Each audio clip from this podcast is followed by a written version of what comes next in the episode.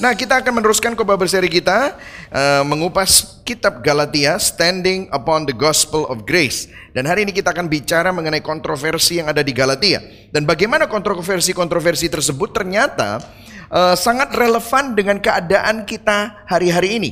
Dan kalau kita tidak tahu bagaimana menyikapinya, kita akan masuk ke dalam ekstrim-ekstrim yang bisa menyimpang dan membuat hidup Anda akhirnya nggak bisa hidup di dalam uh, kekuatan Injil itu. Nah itulah sebabnya kita akan membahas, jadi kita membahas ayat-ayat yang sudah sebagian, kita akan membahas yang sudah kita bahas minggu lalu, tetapi dari sudut pandang yang berbeda. Dan saudara pasti akan mendapatkan banyak sekali insight-insight yang baru.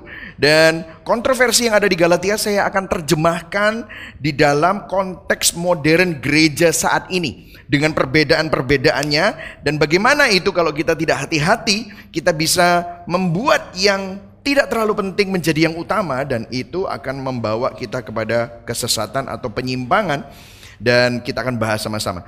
Nah, kita akan baca yang putih saya baca, saudara baca yang oranye. Kita akan mulai dari ayat yang ke-6 sampai ayat yang ke-16 ya. Satu, dua, tiga. Aku heran bahwa kamu begitu lekas berbalik daripada dia yang oleh kasih karunia Kristus telah memanggil kamu dan mengikuti suatu Injil lain. Yang sebenarnya bukan Injil. Hanya ada orang yang mengacaukan kamu dan yang bermaksud untuk memutarbalikkan Injil Kristus. Tetapi sekalipun kami atau seorang malaikat dari seorang yang memberitakan kepada kamu suatu Injil yang berbeda dengan Injil yang telah kami beritakan kepadamu, terkutuklah dia. Seperti yang telah kami katakan dahulu, sekarang kukatakan sekali lagi, jikalau ada orang yang memberitakan kepadamu suatu Injil yang berbeda dengan apa yang telah kamu terima, terkutuklah dia. Jadi, bagaimana sekarang? Adakah aku cari kesukaan manusia atau kesukaan Allah? Adakah aku coba berkenan kepada manusia sekiranya aku masih mau mencoba berkenan kepada manusia? Maka aku bukanlah hamba Kristus. Sebab aku menegaskan kepadamu saudara-saudaraku bahwa Injil yang kuberitakan itu bukanlah Injil manusia. Karena aku bukan menerimanya dari manusia dan bukan manusia yang mengajarkannya kepadaku, tetapi aku menerimanya oleh pernyataan Yesus Kristus. Sebab kamu telah mendengar tentang hidupku dahulu dalam agama Yahudi tanpa batas aku menganiaya jemaat Allah dan berusaha membinasakannya. Ayat 14. Dan di dalam agama Yahudi aku jauh lebih maju daripada teman yang sebaya dengan aku di antara bangsaku. Sebagai orang yang sangat rajin memelihara adat istiadat nenek moyangku. Tetapi waktu ia yang telah memilih aku sejak kandungan ibuku dan memanggil aku oleh kasih karunia-Nya berkenan menyatakan anaknya di dalam aku supaya aku memberitakan dia di antara bangsa-bangsa bukan Yahudi maka sesaat pun aku tidak meminta pertimbangan kepada manusia ya. Ada banyak kontroversi di Galatia yang ternyata tidak jauh berbeda dengan kontroversi yang ada di gereja modern saat ini. Dan mengapa kita perlu membahas ini? Karena bagaimana cara pandang kita menyikapi dan menanggapi kontroversi-kontroversi itu akan menentukan keputusan hidup saudara dan saya. Nah, saudara Matt Chandler di dalam bukunya Explicit Gospel, saya sangat rekomendasikan buku ini. Dia bilang begini, The gospel is not just for the unchurched. Injil bukan hanya untuk orang yang tidak bergereja. Even folks inside the church need the gospel to continue to hear the gospel every day ya, to continue to hear the gospel. Bahkan orang-orang di dalam gereja perlu terus mendengar Injil. Nah, ini sangat align dengan kata-kata Martin Luther. I need to hear the gospel every day because I forget every day. Saya perlu mendengar Injil setiap hari karena saya lupa setiap hari. Nah jujur saudara, saya bertahun-tahun memiliki pandangan bahwa Injil itu untuk orang-orang yang belum kenal Kristus. Makanya kita mengadakan KKR, kita mengadakan penginjilan, kita mengadakan penjangkauan-penjangkauan. Tetapi kebanyakan dari kita, kita berpikir, kalau sudah uh, kenal Kristus, maka kamu move on dengan topik-topik yang lebih advance. Ya, kita pikir kita sudah percaya maka Injil sudah tidak diperlukan lagi. Kita move on beralih kepada topik-topik tentang doa, pembentukan karakter, tentang pemuritan, tentang kedewasaan rohani. Intinya sering kali kita berpikir bahwa Injil itu hanya permulaan. Makanya saudara sering kali di dalam 50 minggu kita bicara tentang topik-topik yang lain, tetapi ada dua minggu kita bicara Injil, yaitu Paskah dan Natal. Ya, ini masalah, saudara. Sebenarnya, kalau anda percaya Kristus dua menit, dua jam, dua hari, dua bulan, dua tahun, atau dua dekade, yang anda butuhkan bukan yang lain, tetapi Injil. Kalau anda bingung, anda bergumul, menghadapi penderitaan. Bukan terobosan yang Anda butuhkan, bukan mujizat yang lain yang Anda butuhkan, tetapi Anda butuh Injil. Kalau Anda punya kebiasaan-kebiasaan tabiat buruk yang Anda perlu rubah, tapi Anda nggak bisa berubah. Yang Anda butuhkan bukan doa pelepasan, tetapi Injil. Nah inilah sebabnya kita membahas kitab Galatia. Ternyata Injil adalah segalanya. Kitab Galatia adalah kitab yang menjelaskan esensi kemurnian Injil, menguraikan Injil, mengartikulasikan Injil, mengkotbahkan dan mengulang-ulang Injil kepada orang Kristen yang ada di Galatia. Mungkin kita sering pikir gini, oh Injil itu susu. Terus kalau sudah selesai, kita sudah mulai ada giginya, kita tidak ma makan susu dan tidak minum susu dan makan gerber, ya. Kita makannya makan uh, yang lain gitu ya, mulai makan uh, daging gitu ya. Itu pemandangan yang pandangan yang salah. Injil adalah susunya, dagingnya, makanan pembukanya, makanan penutupnya, makanan um, utamanya dan segalanya. Nah, apa yang terjadi di Galatia? Ada kontroversi di Galatia. Kontroversi itu adalah pertikaian dan perdebatan yang terjadi di Galatia. Nanti kita akan explore. Tetapi apa yang terjadi di Galatia ini tidak hanya eksklusif di Galatia, ternyata terjadi di sekarang ini. Dan kita perlu melihatnya. Poin saya ada tiga, saudara. Kapan dan mengapa kontroversi itu perlu terjadi? Kemudian otoritas apa dan bagaimana menguji kontroversi itu? Supaya kamu tahu mendengarkan siapa. Kemudian yang ketiga, bagaimana Injil menyelesaikan dan memberi solusi atas kontroversi yang ada. Ya, yang pertama, kapan dan mengapa kontroversi itu perlu terjadi? Are you ready? Kayak yang ready katakan yes, yes. Nah, saudara gini, sebelum saya mulai dan kita baca firmannya, begini, saya mau jelaskan kepada saudara. Banyak gereja memiliki banyak perbedaan pandangan. Kita perlu sadari itu. Saudara, kalau saudara pergi ke Gibeon, saudara lihat bahwa Gibeon ini uh, mungkin modern tetapi ortodoks. Jadi kita baca katekismus. Minggu kedua kita baca pengakuan iman rasuli. Minggu kedua kalau mau selesai khotbahnya, setelah selesai khotbah ada doksologi. Kalau mau terlibat dalam apa-apa kita harus ambil kelas doktrin seperti katekisasi gitu ya. Nah, itu adalah hal-hal yang kita lakukan di sini. Bahkan di sini eh, apa? Liturginya jelas dan yang lain-lain. Agak berbeda dengan gereja GBI lainnya gitu ya saudara ya. Nah perbedaan pandangan boleh nggak? Boleh, banyak sekali. Nah saya tunjukkan beberapa perbedaan pandangan di sini. Gereja macam-macam itu punya perbedaan pandangan. Ada perbedaan pandangan tentang baptisan. Ada yang dibaptis selam, ada yang dibaptis percik, liturgi ibadahnya. Ada yang pakai band, ada yang hanya pakai piano dan pakai organ. Ya, ada yang nggak pakai musik apa-apa, hanya akapela. Oh, ada yang berbahasa roh, ada yang sudah tidak lagi percaya bahasa roh. Ada yang percaya bahasa roh tetapi tidak melakukannya di dalam ibadah gereja. Sistem gerejanya, ada yang model majelis, ada yang model congregational, ada yang episkopal, ada yang gembala sidang adalah uh, kuasa tertinggi. Beda-beda disiplin rohaninya, cara pakaiannya, ada yang kalau khotbah harus pakai jubah. Ada yang diperbolehkan pakai jeans. Cara berpakaiannya ya. Persembahan persepuluhan masih berlaku atau tidak di perjanjian baru dan yang lain-lain. Ini adalah perbedaan-perbedaan yang ada. Saudara bisa melihat ya, sinodenya bahkan ada yang menekankan hal-hal ini. Tetapi saya mau ingatkan kepada saudara semua bahwa semua perbedaan-perbedaan ini adalah doktrin sekunder. Doktrin apa saudara? Sekunder. Oke, sekunder itu bukan doktrin utama yang menentukan keselamatan saudara. Tidak. Peran wanita di dalam kepemimpinan gereja itu beda-beda. Ada macam-macam. Saya punya posisi, orang lain punya posisi. Tetapi itu semua tidak bukanlah doktrin utama. Bukan doktrin yang menentukan apakah kamu itu selamat atau tidak atau disebut Kristen atau tidak.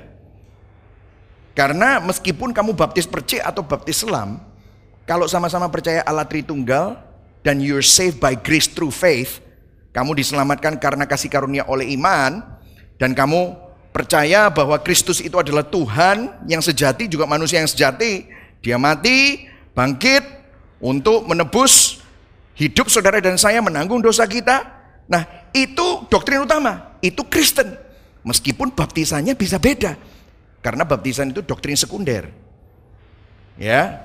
Nah, ini merupakan sesuatu yang kita tidak perlu uh, bikin sebuah kontroversi. Kita nggak usah bikin sebuah uh, perdebatan yang membuat suatu pertikaian yang luar biasa, nggak perlu.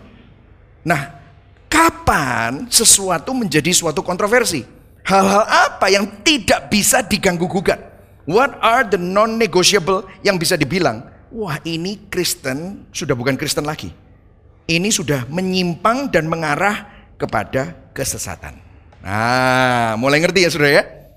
Nah, ini yang menjadi pembahasan kita hari ini. Galatia 1 dikatakan, Aku heran kamu begitu lekas berbalik daripada dia yang oleh kasih karunia Kristus telah memanggil kamu dan mengikuti suatu Injil lain yang sebenarnya bukan Injil.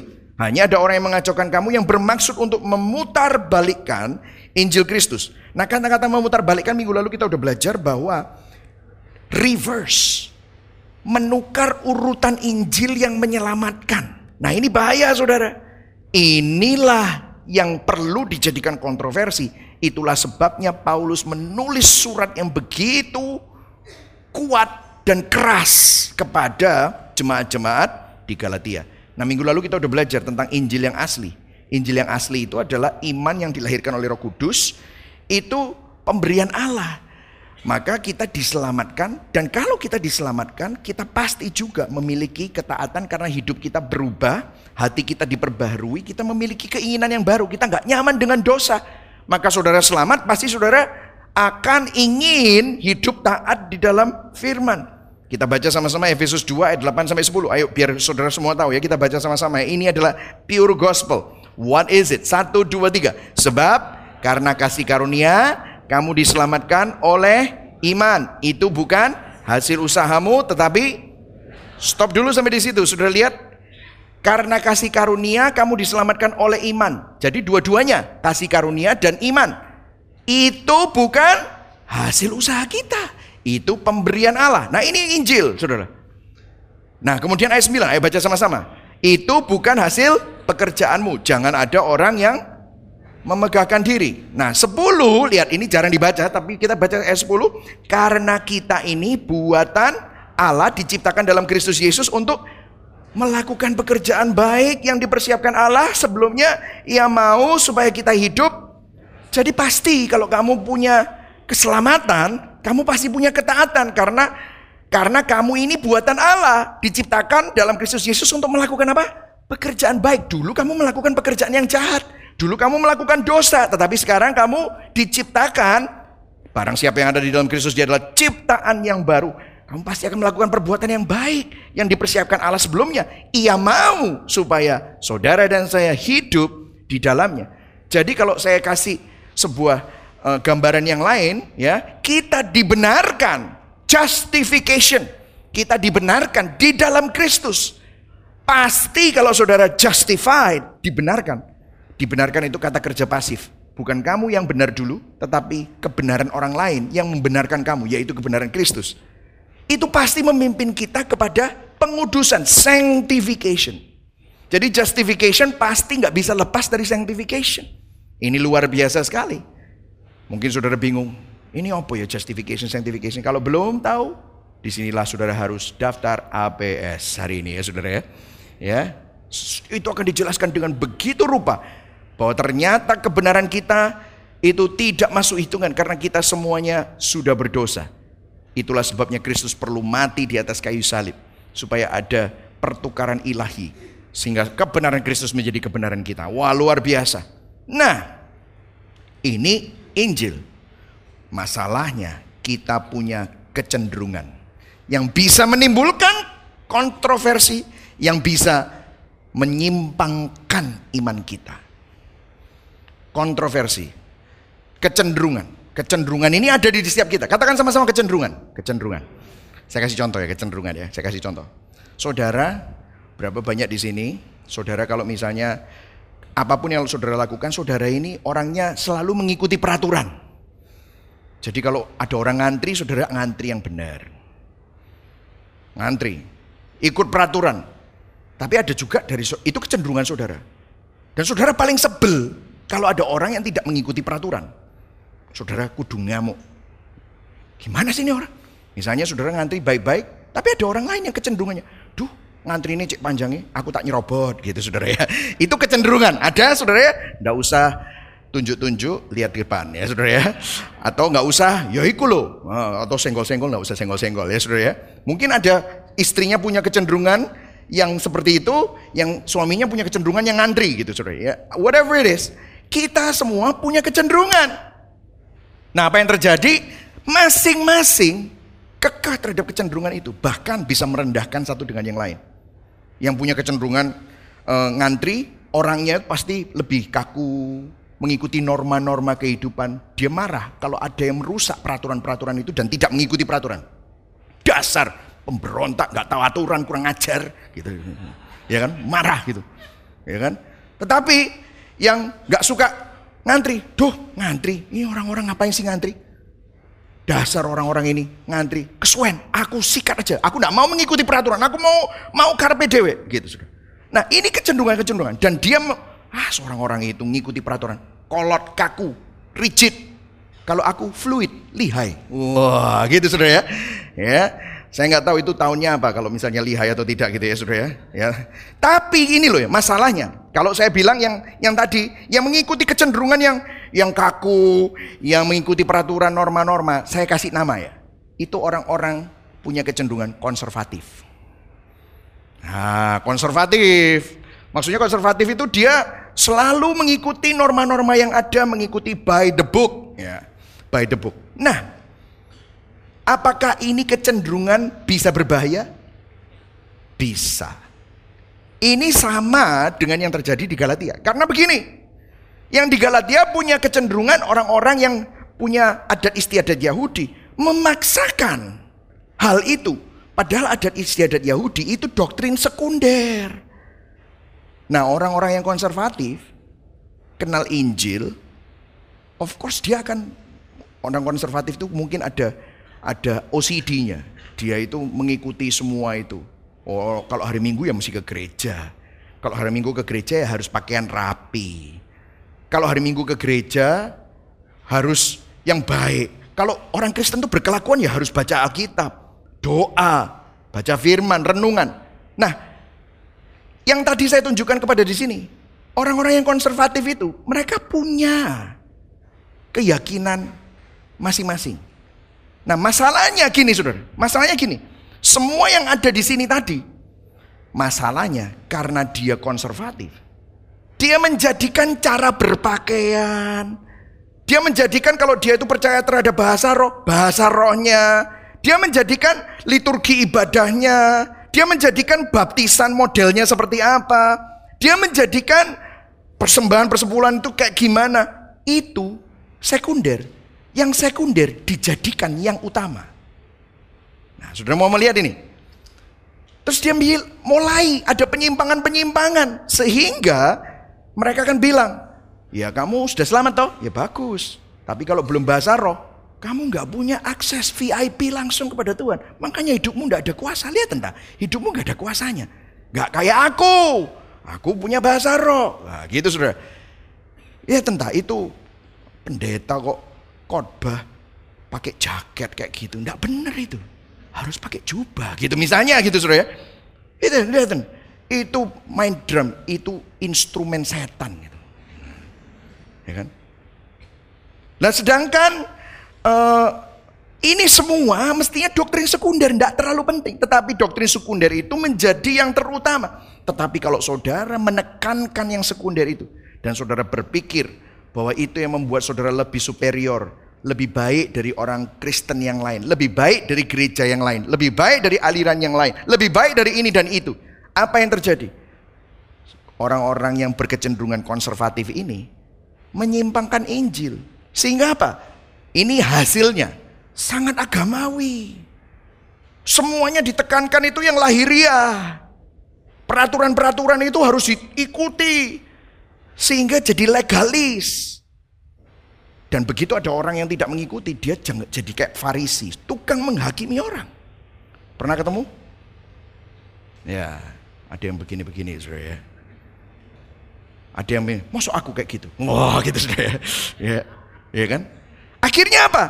Menekankan kebenaran, tetapi gak ada anugerah. Anugerah cuma dikorbankan pas pasca. Menekankan ketaatan, perbuatan baik, untuk diterima. Akhirnya kultur dari komunitasnya keras sekali. Kulturnya sangat rigid kaku. Nah ini saudara bahaya. Pembenaran, justification. Kamu dibenarkan itu dengan perbuatanmu. Ya ada iman lah sedikit-sedikit gitu saudara. Iman akhirnya bukan tentang Kristus lagi, tetapi iman terhadap perbuatanmu. Dan justification yang menjadi motornya fuel untuk sanctification kebalik sekarang. Performa kita, sanctification kita menjadi bab basis pengudusan eh, pembenarannya, justificationnya. Sehingga apa? Anugerah Allah itu seakan-akan harus dibeli dengan ketaatan kita terhadap doktrin-doktrin sekunder itu. Apa yang terjadi? Kasih Allah tidak indah lagi. Luntur, yang ada adalah Tuhan itu, wah kamu hati-hati kamu. Sehingga, saudara dengarkan, maksudnya baik. Berusaha membuat orang lebih taat, berusaha membuat orang berkelakuan dan bertingkah laku sesuai firman. Tetapi jadi sangat kolot kaku, suka menghakimi orang lain yang tidak berkelakuan seperti dirinya. Menjadi sangat legalis dan menjadi farisi dan ini adalah ekstrim kanan. Dan ini membawa kesombongan, dan menekan orang-orang yang ada di dalam lingkungan yang seperti ini. Akibatnya saudara, banyak orang sakit hati, banyak orang merasa terhakimi, banyak orang kecewa, banyak korban. Betul atau tidak saudara? Mulai menangkap apa yang maksud saya, saya maksudkan. Nah korban-korban mereka siapa? Bisa saja anak-anak mereka sendiri. Orang-orang yang berkecenderungan seperti ini punya anak-anak akhirnya bereaksi memberontak. Atau bisa saja temennya, teman kerjanya. Orang itu Kristen sih. Cuma, bu, my goodness. Cek kaku nih. Atau kalau enggak, cek sombong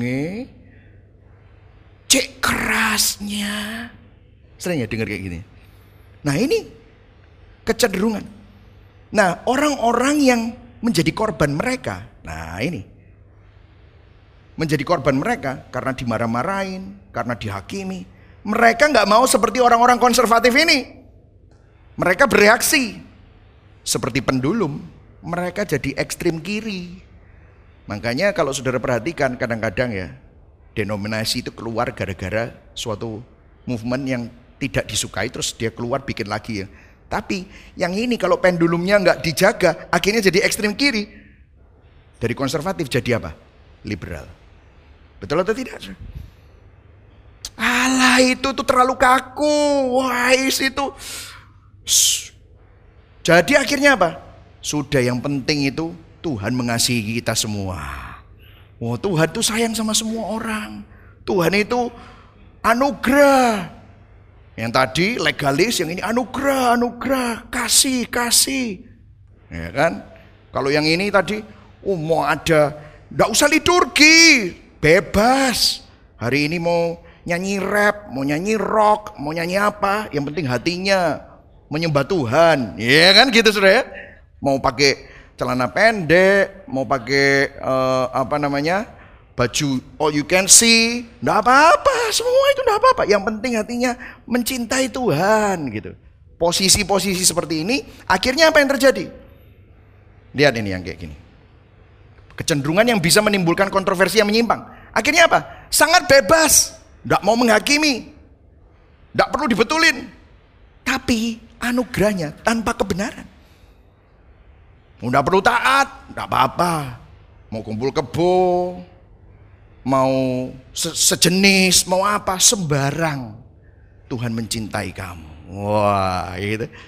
Iman-iman, pembenaran-pembenaran. Tetapi apa yang terjadi? Tidak ada perbuatan baik, tidak ditekankan. Se sehingga apa? Anugerah Allah yang begitu berharga hilang, Saudara. jadi cheap, jadi murah, mengabaikan pengudusan, menekankan kasih Allah tetapi melupakan kekudusan Allah. Saudara lihat ini. Ini adalah reaksi. Bisa memiliki kecenderungan universalisme bahkan. Tidak apa-apa Tuhan cinta semua orang. Mereka berkecenderungan liberal. Hidupnya banyak yang kacau. Maunya relevan, kebablasan. Nangkap saudara? Hidup seperti dunia rusak, berantakan. Dengan dalih bilang gini. Yesus juga suka pesta kok sama orang berdosa. Ya sudah. Kita masuk aja ke pesta-pesta. Minum-minum. Ya kan? Tidak apa-apa. Iya saya ngerti. Yesus pesta dengan orang berdosa. Tetapi semua orang berdosa yang ketemu Yesus hidupnya juga berubah. Yang setuju katakan amin. Tapi hidupnya orang-orang ini yang liberal ini nggak berubah. Nah kalau kita perhatikan dua-duanya, dua-duanya kedua kecenderungan ini tidak menghasilkan transformasi yang sejati atau perubahan hati atau perubahan hidup yang sesungguhnya. Ya. Nah, saya mau mau kasih ke konteks Gibeon Church. Bahkan nih ya, kalau kita tahu Injil, kalau kita tahu doktrin yang benar, kita tahu reform theology. Wah, aku ngerti reform. I am reform. Ya. Tapi kita tidak mengizinkan Injil atau teologi itu mengubah hidup kita dan menyentuh hati kita dan menghidupi Injil yang kita ketahui. Apa yang terjadi? Kita akan sombong. Akhirnya kita akan jatuh juga dalam kecenderungan yang menyimpang. Kita jadi farisi. Kita jadi farisi Injil, farisi gospel. Merendahkan orang lain yang belum ngerti Injil. Merendahkan orang lain, orang yang liberal dan konservatif kita rendahkan juga. Kenapa? Karena aku gospel center. Nah, podoai sudah. Mulai melihat sudah. Jadi ternyata kalau ini yang menjadi pijakan iman kita. Aduh saudara. Kita perlu bertobat karena ini menyimpang. Saudara. Akhirnya apa yang terjadi? kita kehilangan esensinya. Kita akhirnya kecenderungan-kecenderungan itu membuat kita sombong. Nah, gimana untuk tahu? Nah, sekali lagi, otoritas apa dan bagaimana untuk menguji kontroversi itu? Nah, Rasul Paulus memberikan sebuah sebuah jawaban. Dia bilang begini, sekalipun kami atau seorang malaikat dari surga, ada dua di sini. Dia memberikan dua kami atau seorang malaikat dari surga yang memberitakan kepada kamu suatu Injil yang berbeda dengan Injil yang kami beritakan kepadamu. Terkutuklah dia. Seperti yang telah kami katakan dahulu, sekarang kukatakan sekali lagi, jikalau ada orang yang memberitakan kepadamu suatu Injil yang berbeda dengan apa yang telah kamu terima, terkutuklah dia. Nah saudara kalau saudara sudah mengikuti khotbah berseri ini dari minggu pertama, saudara akan tahu kata-kata ini, epistemologi. Siapa yang sudah ikut dari minggu pertama? Saya ingin lihat tangan-tangannya. Oh banyak ya, ya. Epistemologi ini bicara kalau kamu tahu sesuatu, kamu tahunya itu otoritasnya siapa. Nah bahayanya begini saudara, kita ini hidup di dalam kultur Asia yang sangat mementingkan mistis, pengalaman-pengalaman gaib gitu ya. Rasul Paulus ngerti itu.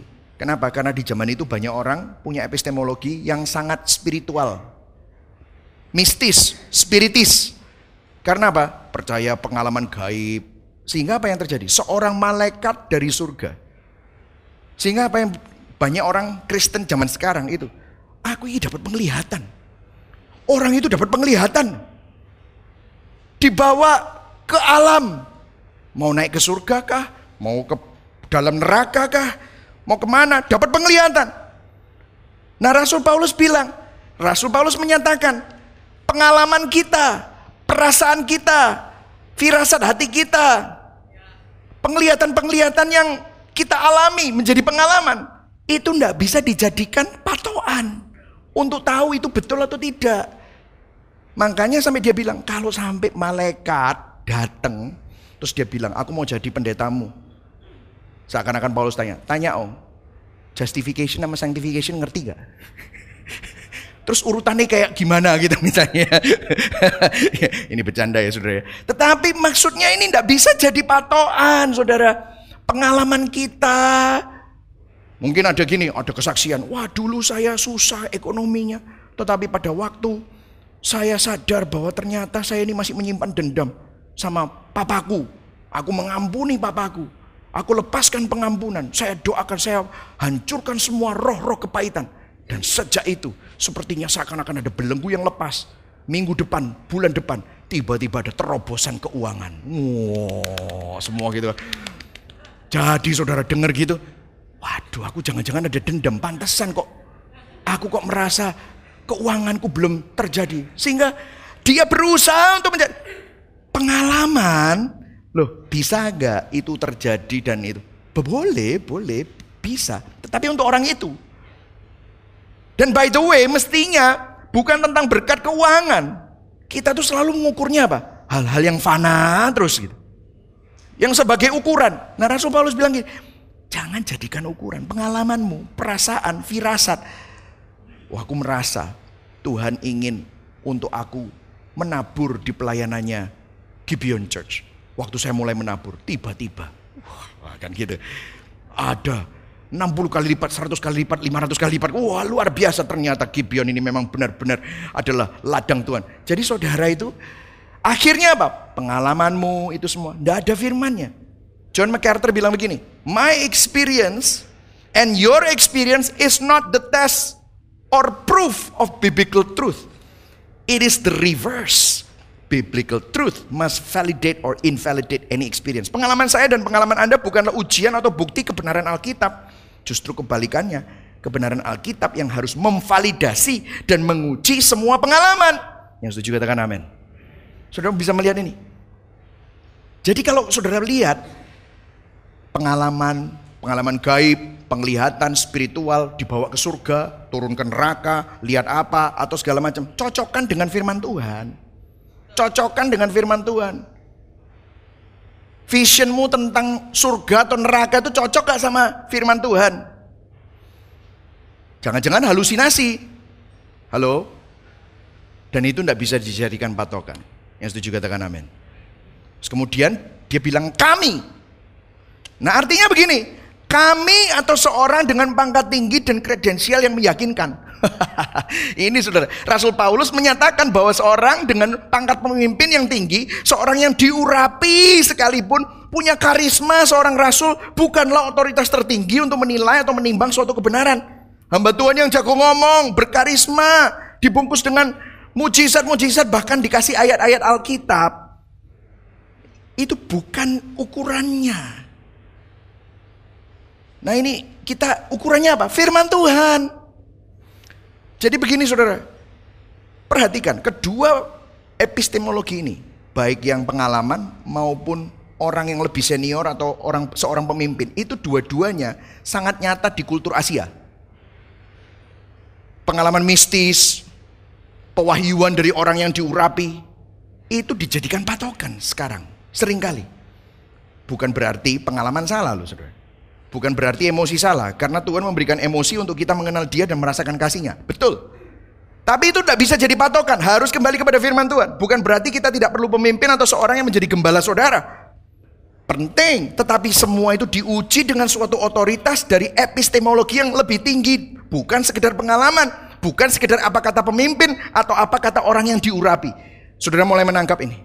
Apa ujiannya? Ujiannya di kisah para rasul 17 ayat 11 seperti tadi John MacArthur bilang, lihat, ini orang-orang di Berea. Ayat 11, orang-orang di Berea lebih terbuka hatinya daripada orang-orang di Tesalonika. Dengan senang hati mereka mendengar berita tentang Yesus. Dan mulai baca dari dan itu, satu, dua, tiga, setiap hari mereka menyelidiki apa? Alkitab untuk mengetahui apakah pengajaran Paulus itu wow Paulus saja diuji Paulus diuji dengan apa? Menyelidiki Alkitab. Bahkan kalau saudara baca kisah para rasul Paulus pun juga belajar berdiskusi, bertanya jawab dengan murid-murid Kristus yang lain. Dia dimuridkan oleh Ananias dan orang-orang Kristen lainnya. Dan basis semua dari pengujian dan pengecekan dan penyelidikan itu adalah Alkitab firman Allah. Yang setuju katakan amin. Kalau sampai ada orang yang diurapi Tuhan tanda petik bilang bahwa aku percaya pewahyuan di luar Alkitab. Berhati-hatilah. Itu epistemologi yang dibilang Paulus, terkutuklah dia. Berhati-hatilah. By the way, gereja ini gospel centered church ya, bukan preacher centered church. Maksudnya apa? Ada yang menarik, saudara. Ini saya ceritakan ya, saudara. Dan saya nggak merasa tersanjung dengan ini. Justru saya sedih karena gini. Ada yang bilang, tanya sama saya, DM, Pak Michael, besok khotbah. Terus saya jawab, rahasia. Duh kok rahasia? Tidak pernah mengumumkan kita. Ya sudah kalau gitu. Karena gini Pak, dia pikir dia ngomong gini membuat saya oh, tersanjung. Gitu. Soalnya kalau Pak Michael yang khotbah saya tak datang. Wah. Saya bilang, kita ini gospel center church. Jadi siapa pun yang khotbah pasti memberitakan Injil. Yang penting bukan yang khotbah, tapi firmannya. Ya sudah kalau gitu saya tak lihat YouTube jam 8 pagi itu saya lihat 10.30 saya mau datang atau tidak. Loh lah kurang ajar. Saya cuma ngomong gini, loh ya kan mayak atau saudara kan udah tahu dia. Oh iya tak lihat dulu jam 8 sampai yang khotbah gitu ya. Lain kali mesti diacak gitu ya saudara. Ya, jam 8 khotbah apa. Tapi message-nya sama semua gitu kan.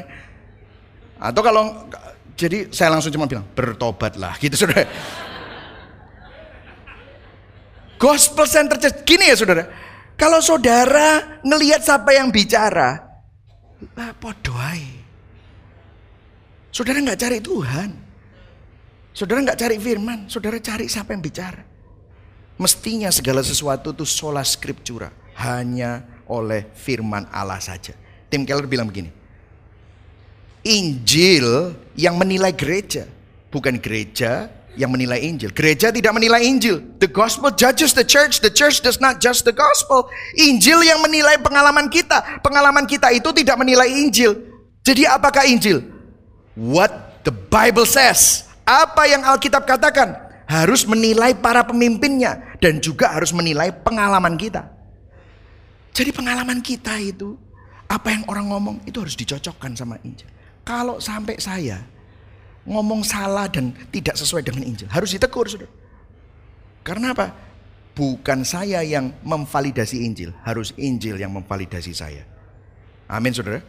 Jadi gini, saya nggak mengatakan bahwa Tuhan tidak dapat memimpin gereja melalui gembala sidang. Saya tidak berusaha mengatakan bahwa Tuhan tidak memimpin kita dan memberikan pengalaman-pengalaman yang berharga. Tetapi jangan buat hal-hal itu menjadi otoritas tertinggi dari epistemologi kita. Hanya ada satu hal yang dapat kita ketahui pasti benar dan pasti Tuhan yang ngomong. Bukan apa yang saya katakan, bukan apa yang hati saudara katakan, bukan apa yang suara-suara firasatmu yang katakan, tetapi apa yang Alkitab katakan. Yang setuju katakan yes. Yes, amin. Yang ketiga, Terakhir, bagaimana Injil menyelesaikan memberikan solusi atas semua kontroversi yang ada? Nah ini menarik sudah. Kemudian Paulus bilang ini, jadi gimana sekarang? Selalu gitu kan? Apakah aku cari kesukaan manusia? Membuat peaceful, ya udah ya udah enggak apa-apa gitu. Atau kesukaan Allah? Adakah aku coba berkenan kepada manusia? Ya sudah demi kesatuan gitu ya. Ya sudah enggak apa-apa gitu. Sekiranya aku masih mau mencoba berkenan kepada manusia bukan A, maka aku bukanlah hamba Kristus. Kemudian ayat 11. Sebab aku menegaskan kepadamu saudara-saudara bahwa Injil yang kuberitakan bukanlah Injil manusia. Karena aku bukan menerimanya dari manusia. Dan bukan manusia yang mengajarkannya kepadamu. Ku, tetapi aku menerimanya oleh pernyataan Yesus Kristus. Nah saudara, ada yang menarik. C.S. Lewis seorang ateis yang akhirnya menjadi seorang Kristen. Ya of course ini dengan kuasa roh kudus. Dan dia menjadi penulis yang brilian yang menulis buku terkenal Mere Christianity. Dia juga penulis kalau saudara tahu film Narnia. Dia menulis cerita itu. Ya, novel fiksi Kristen yang ada aslan yang menunjukkan gambaran Kristus. Dia bilang begini, That is one of the reason I believe in Christianity. Itulah mengapa salah satu alasan saya percaya ke Kristenan. It is a religion that could not have guessed Suatu kepercayaan yang tidak bisa ditebak. In fact, it is not the sort of thing anyone would have made up. Bahkan faktanya kekristenan itu bukanlah sesuatu yang bisa diciptakan atau dibuat-buat oleh manusia. Saudara kenapa? Prinsip kekristenan itu sangat berbeda dengan prinsip agama. Esensi Injil itu sangat berbeda dengan keagamawian. Kalau saudara baca kata-kata Injil yang ada di kitab Galatia, di kitab Roma semua itu adalah evangelion. Artinya apa? Good news. Injil adalah kabar baik, bukan nasihat baik. Injil adalah kabar baik. Katakan sama-sama kabar baik. Bukan nasihat baik, saudara. Kenapa? Nasihat itu fokusnya harus dilakukan sama yang terima nasihat. Betul atau tidak, saudara? Nasihat artinya fokusnya sama kamu, sama saya, sama kita. Kamu harus lakukan, kita harus lakukan, baru nanti dapat keuntungan dari nasihat tersebut. Tetapi Injil adalah kabar baik. Kabar artinya kalau saudara baca surat kabar, Indonesia menang medali emas di Olimpiade. Itu bukan prediksi apa yang akan terjadi, bukan. Tetapi sudah terjadi. Injil bukan tentang apa yang harus dan akan kita lakukan, tetapi apa yang Tuhan sudah lakukan. Ini perbedaannya. Ini yang akan menjadi solusi yang memecahkan semua kontroversi itu. Coba kalau kita lihat. Rasul Paulus memberikan kontras di ayat 13 dan 14. Dan kita lihat di sini. Lihat. Sebab kamu telah mendengar tentang hidupku dahulu dalam apa? Agama. Agama ini sistemnya kayak gini. Tanpa batas aku menganiaya jemaat Allah dan berusaha membinasakannya. Kenapa? Ayat 14. Di dalam agama Yahudi, aku jauh lebih maju dari banyak teman yang sebaya dengan aku di antara bangsaku. Sebagai orang yang aku, orang yang sangat rajin memelihara adat istiadat nenek moyangku, melakukan hukum Taurat. Coba sudah lihat, perbedaannya adalah yang bukan Injil selalu meninggikan dan berpusat kepada diri, self. It's all about me. Tentang saya, apa yang aku lakukan dan tidak lakukan. Tetapi Injil selalu meninggikan dan berpusat pada karya Kristus, karya Allah Tritunggal. Dikontraskan oleh Paulus dengan ayat 15. Tetapi, dengarkan saya, tetapi waktu ia yang telah apa? Memilih aku. Kata kerja, kapan? Sejak kandungan ibuku. Sebelum aku melakukan perbuatan baik, sebelum aku melakukan perbuatan jahat, bahkan sebelum aku membunuhi orang Kristen itu, Tuhan, it is God that chose me. Wah. Dan Tuhan yang sama ini, iya, memanggil call. Oleh apa? Kasih karunia-Nya. Dia berkenan menyatakan siapa? Kristus di dalam aku supaya aku memberitakan dia di antara bangsa-bangsa yang bukan Yahudi. Maka sesaat pun aku tidak minta pertimbangan kepada manusia yang bukan Injil selalu meninggikan diri. Tetapi Injil selalu tentang apa yang Tuhan lakukan. But God, tetapi Dia yang memilih, Dia yang memanggil. Kalau saudara lihat dari pertama di kitab Kejadian, Adam berdosa karena dia ingin meninggikan diri. Dia ingin jadi seperti Tuhan. Apa yang terjadi waktu dia ingin jadi seperti Tuhan dan makan buah itu? Dia mati rohani. Dia malu, dia sembunyi, dia nggak cari Tuhan. Tetapi lihat urutan Injil, gospel order di Taman Eden waktu Adam dan Hawa jatuh dalam dosa. Bukan Adam yang mencari Tuhan, tetapi Tuhan yang mencari Adam. Sejak dari awal urutannya tidak berubah. Saudara lihat semua tokoh Alkitab, Siapa yang menghampiri mereka? Abraham, apakah Abraham menghampiri Tuhan? No, Allah Yahweh yang menghampiri Abraham. Siapa yang menghampiri Yakub pada waktu dia sudah berdosa menipu orang tuanya? Lari dari Esau. Siapa yang menghampiri? Allah yang menghampiri Yakub. Musa yang berusaha dengan kekuatannya sendiri menyelamatkan bangsanya. Putra mahkota dari Firaun membunuh orang Mesir dia jadi buron. Waktu dia habis, waktu dia nggak punya harga diri, siapa yang memanggil Musa? Tuhan yang memanggil Musa. Yesaya nabi yang besar yang memberikan nubuatan yang luar biasa tentang Yesus yang ayatnya sampai sekarang masih kita baca. Siapa yang memanggil Yesaya? Tuhan yang memanggil Yesaya. Siapa yang memanggil Petrus? Yohanes, Yakobus, Andreas, Tuhan. Yesus yang memanggil mereka. Ikutlah aku. Saat Paulus menganiaya orang-orang Kristen, dia berpikir dia berusaha untuk menjaga kemurnian agamanya. Siapa yang menghampiri Paulus? Saulus, Saulus, mengapa engkau menganiaya aku? Siapa yang menghampiri saudara? Siapa yang menghampiri kita? Pada waktu saudara tidak cari Tuhan, tapi somehow Tuhan yang menghampiri saudara. Siapa yang menjamah hati saudara? Siapa yang lebih dulu somehow mendatangi hatimu? itu adalah Tuhan. Dan saudara tahu bagaimana dia menghampiri kita. Kita selalu berusaha meninggikan diri, kita selalu memegahkan self. Tetapi kalau kita lihat bagaimana Tuhan menghampiri kita dengan rancangan penebusannya, dia yang layak ditinggikan justru merendahkan diri. Dia yang paling mulia justru menjadi yang terhina. Dia yang paling kaya justru jadi yang paling miskin. Dia yang berkuasa rela menjadi yang tak berdaya. Dia yang kudus, dia yang tidak mengenal dosa menjadi dosa sehingga dia harus terpisah dari Bapaknya di surga di atas kayu salib. Dia yang kekal mati di salib. Saudara inilah Injil. Apa yang kita bisa banggakan? Saudara keselamatan diawali, dikerjakan dan diselesaikan oleh Tuhan sendiri untuk kemuliaannya. Di Roma 8 ayat 29 sampai 30 ayo kita baca sama-sama pelan-pelan ya. Ayat yang terakhir. Semu, sebab semua orang yang dipilihnya dari semula mereka juga apa? Ditentukannya dari semula. Untuk menjadi apa? Serupa dengan gambaran anaknya. Stop dulu. Ini sanctification. Kamu pasti akan jadi seperti Yesus. Kenapa? Bukan karena kamu hebat, karena kamu dipilih. Ditentukan ayat 30. Dan mereka yang apa? Ditentukannya dari semula.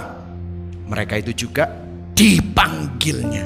Dan mereka yang dipanggilnya mereka itu juga dibenarkannya.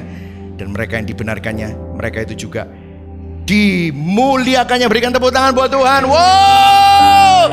Keselamatan diawali, dikerjakan, diselesaikan oleh Tuhan Bukan karena kamu, bukan karena kita, tetapi karena Tuhan sendiri. Sehingga the gospel memberikan sebuah solusi yang indah. Anugerah kasih karunia yang membenarkan kita. Bukan karena kamu ngelakuin A, B, C, D. Ketaatan kita dimotivasi oleh kasih. Karena kita menerima kasih Allah. Kita dimampukan oleh roh kudus untuk taat. Anugerah Allah jadi sangat indah dan berharga. Hidupmu bebas. Bahkan tanpa peraturan pun kamu tetap bertanggung jawab. Karena kamu tahu hidupmu ditebus. Kamu milik Kristus. Iman kepada Kristus yang kamu miliki bukan iman buatan manusia. Tapi iman yang dilahir barukan oleh roh kudus. Sehingga pasti ada keselamatan, justification dan itu menghasilkan pasti saudara akan hidup dalam kekudusan. Kekudusan saudara oleh Roh Kudus dan saudara tidak memandang diri sendiri. Saudara memandang salib Kristus karena kasih dan kekudusan Allah dinyatakan secara sempurna di atas salib Kristus. Amin, saudara. Gimana dengan semua perbedaan-perbedaan itu? Gimana semua dengan orang-orang yang masih belum ngerti Injil? Gimana semua dengan orang-orang yang punya doktrin sekunder yang berbeda. Di sinilah saya suka sekali quote dari Augustine the Hippo. In essentials, unity. In non-essentials, liberty. In all things, charity. Dalam hal esensi, kesatuan. Injil tidak bisa diganggu gugat. Urutannya tidak bisa diganggu gugat. Anugerah, sola gracia tidak bisa diganggu gugat. Sola scriptura tidak bisa diganggu gugat solus Kristus tentang Kristus tidak bisa diganggu gugat. Tetapi yang lain-lain tentang ekspresi, tentang hal-hal yang non esensi ada kebebasan. Kamu punya boleh terserah di dalam segala sesuatu. Karena kamu penerima kasih Kristus, maka kamu selalu dimotivasi oleh kasih. Yang setuju katakan amin. Mari sama-sama bangkit berdiri. Saudara diberkati hari ini. Amin. Karena Injil, saudara, kita dapat menilai, menilai emosi saudara, menilai ekspresi. Tetapi karena kamu tahu firman, kamu pegang esensi, bukan yang lain. Karena Injil kita tidak mudah dikelabui dan terpesona oleh sensasi-sensasi, penglihatan lah. Orang punya karunia ini, karunia itu. Saudara nggak mudah terpesona dengan itu. Karena Injil kita tidak mengandalkan diri sendiri, tetapi mengandalkan kuasa Kristus. Karena Injil kita memiliki kejelasan dan tidak jatuh ke dalam kecenderungan yang menyimpang. Mari sama-sama kita nyanyikan lagu ini.